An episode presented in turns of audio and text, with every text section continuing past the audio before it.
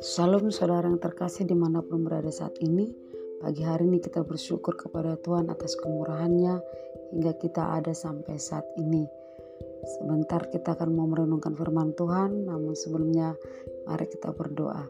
Tuhan Yesus kami mengucap syukur buat kebaikan Tuhan Kemurahanmu bahkan lawatan Tuhan Pemeliharaanmu yang selalu baru dalam hidup kami Sebentar Tuhan kami mau merenungkan firman-Mu Kiranya Engkau memberkati kami, biarlah firman-Mu semakin hari semakin dapat mengubahkan hidup kami dan nama Tuhan dipermuliakan.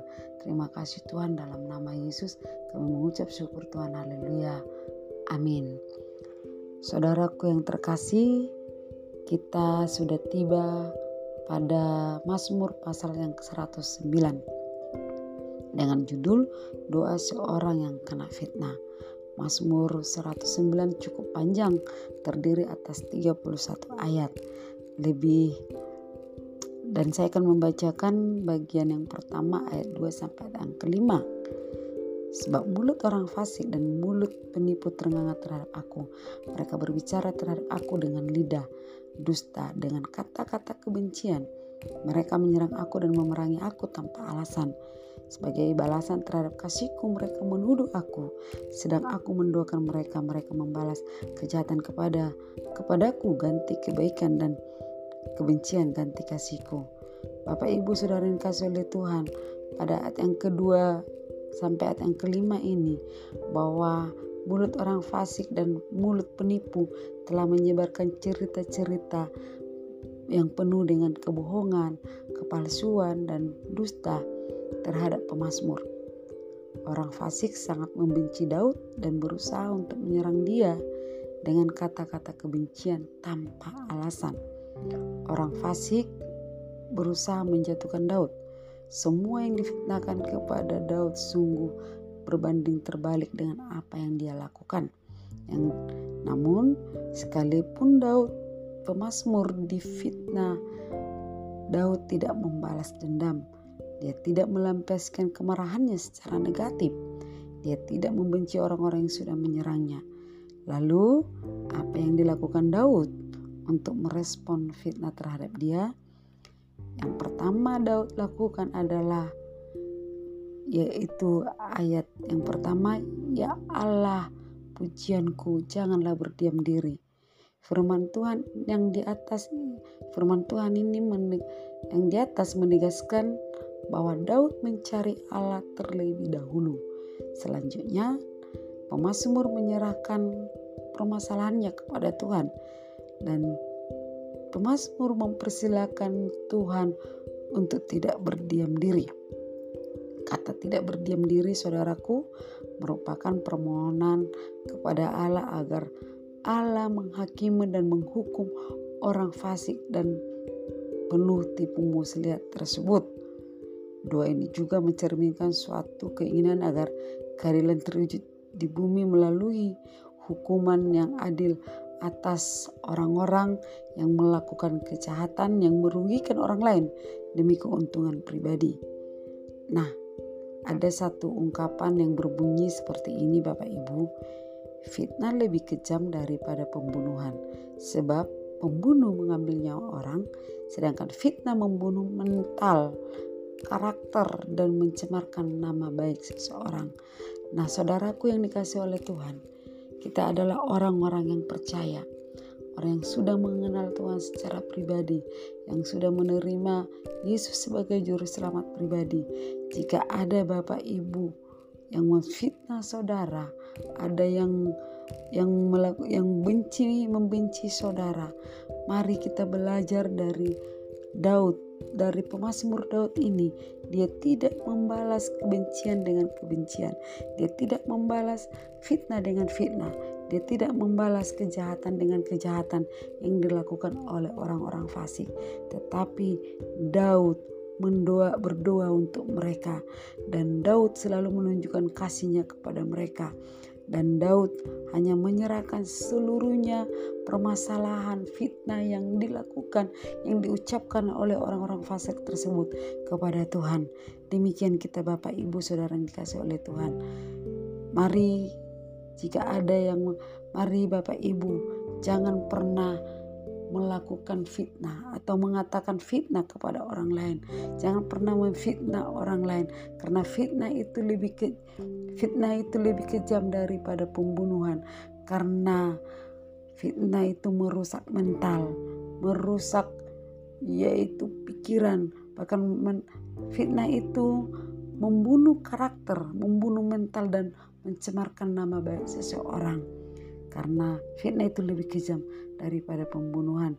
Itu sebabnya Bapak Ibu Saudara yang dikasih oleh Tuhan, jangan pernah melakukan mengucapkan kata-kata fitnah, jangan pernah melakukan kebencian atau kejahatan. Dan jangan pernah menyerang orang lain seperti jangan pernah menyerang orang lain tanpa alasan seperti yang dilakukan oleh orang fasik kepada Daud.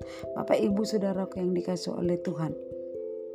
Itulah alasan Daud mengapa dia tidak melakukan kejahatan. Dia menyerahkan sepenuhnya kepada Tuhan. Nah, Bapak Ibu, ayat yang ke-26 sampai ayat yang ke-28 dikatakan, Tuhan tolonglah aku. Pemasmur mengatakan, Tuhan tolonglah aku ya Allahku. Selamatkan aku sesuai dengan kasih setiamu. Supaya mereka tahu bahwa tanganmu lah bahwa engkaulah ya Tuhan yang telah melakukannya. Artinya Bapak Ibu yang sudah dikasih oleh Tuhan. Dengan masalah yang dihadapi, dengan semua kejahatan yang dilakukan oleh orang-orang fasik kepada Daud. Daud pemazmur berkata, Tolonglah aku ya Tuhan, selamatkanlah aku dengan kasih setiamu. Dia datang berseru, minta tolong dan berseru kepada Tuhan. Bapak Ibu, dia mau melihat bahwa dia mau menunjukkan kepada orang lain bahwa Tuhanlah, bahwa tangan Tuhanlah yang melakukannya, bahwa tangan Tuhanlah yang mengangkat dia, yang menolong dia dari segala masa-masa sulit yang dihadapi dari orang-orang fasik tersebut. Itu sebabnya saudaraku yang dikasih oleh Tuhan. Ketika Bapak Ibu mengalami masa-masa sulit, ketika Bapak Ibu mengalami kekecewaan dari orang lain, fitnahan, kebencian dari orang dari orang lain, mari datang kepada Tuhan, minta keselamatan daripada Tuhan, minta pertolongan. Bapak Ibu, saudaraku yang dikasih oleh Tuhan. Ayat yang ke-28 dikatakan, biarlah mereka mengutuk, engkau akan memberkati. Artinya Bapak Ibu yang dikasih oleh Tuhan, Pemasmur Daud pengen ingin melihat ketika mereka mengutuk bahwa Tuhan akan memberkati orang-orang fasik tersebut sehingga dikatakan hambamu ini bersuka cita dia ingin melihat orang-orang yang mengutuk dia itu mendapat malu dan dia bersuka cita karena Tuhan menolong dia saudaraku yang dikasih oleh Tuhan seruan pemazmur berujung pada seruan keyakinan bahwa Tuhan akan membalikkan situasi dari kutukan menjadi berkat. Sekali lagi, Bapak Ibu, mengapa pemazmur tidak membalas kejahatan, kebencian yang dilakukan oleh orang-orang fasik? Pemazmur tidak membalaskan itu karena dia meyakini bahwa Tuhan adalah pembela yang akan membela dirinya dari setiap fitnah. Pembelaan Tuhan itulah yang akan membuat dia pasti dinyatakan tidak bersalah.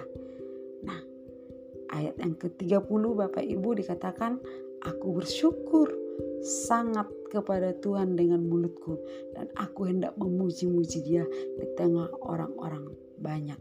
Saudaraku yang dikasih oleh Tuhan, ketika kita mendapatkan pertolongan, ketika kita datang mencari Tuhan, ketika kita datang berseru minta pertolongan kepada Tuhan, dan Tuhan menyelamatkan kita dengan kasih setianya.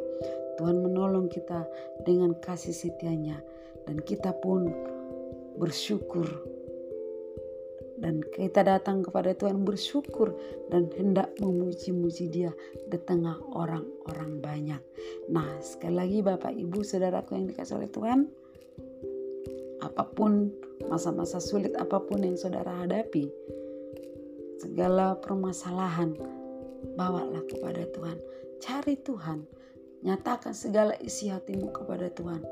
Kalaupun saudara dikecewakan oleh orang-orang terdekat, keluarga, ataupun saudara difitnah oleh orang lain, jangan pernah membalaskan fitnah tersebut, tetapi bawalah kepada Tuhan dan doakan orang-orang tersebut, tersebut seperti yang dilakukan oleh pemazmur sehingga nama Tuhan sehingga nama Tuhan dipermuliakan dari setiap kehidupan kita karena pembalasan adalah haknya Tuhan. Amin. Tuhan Yesus memberkati kita.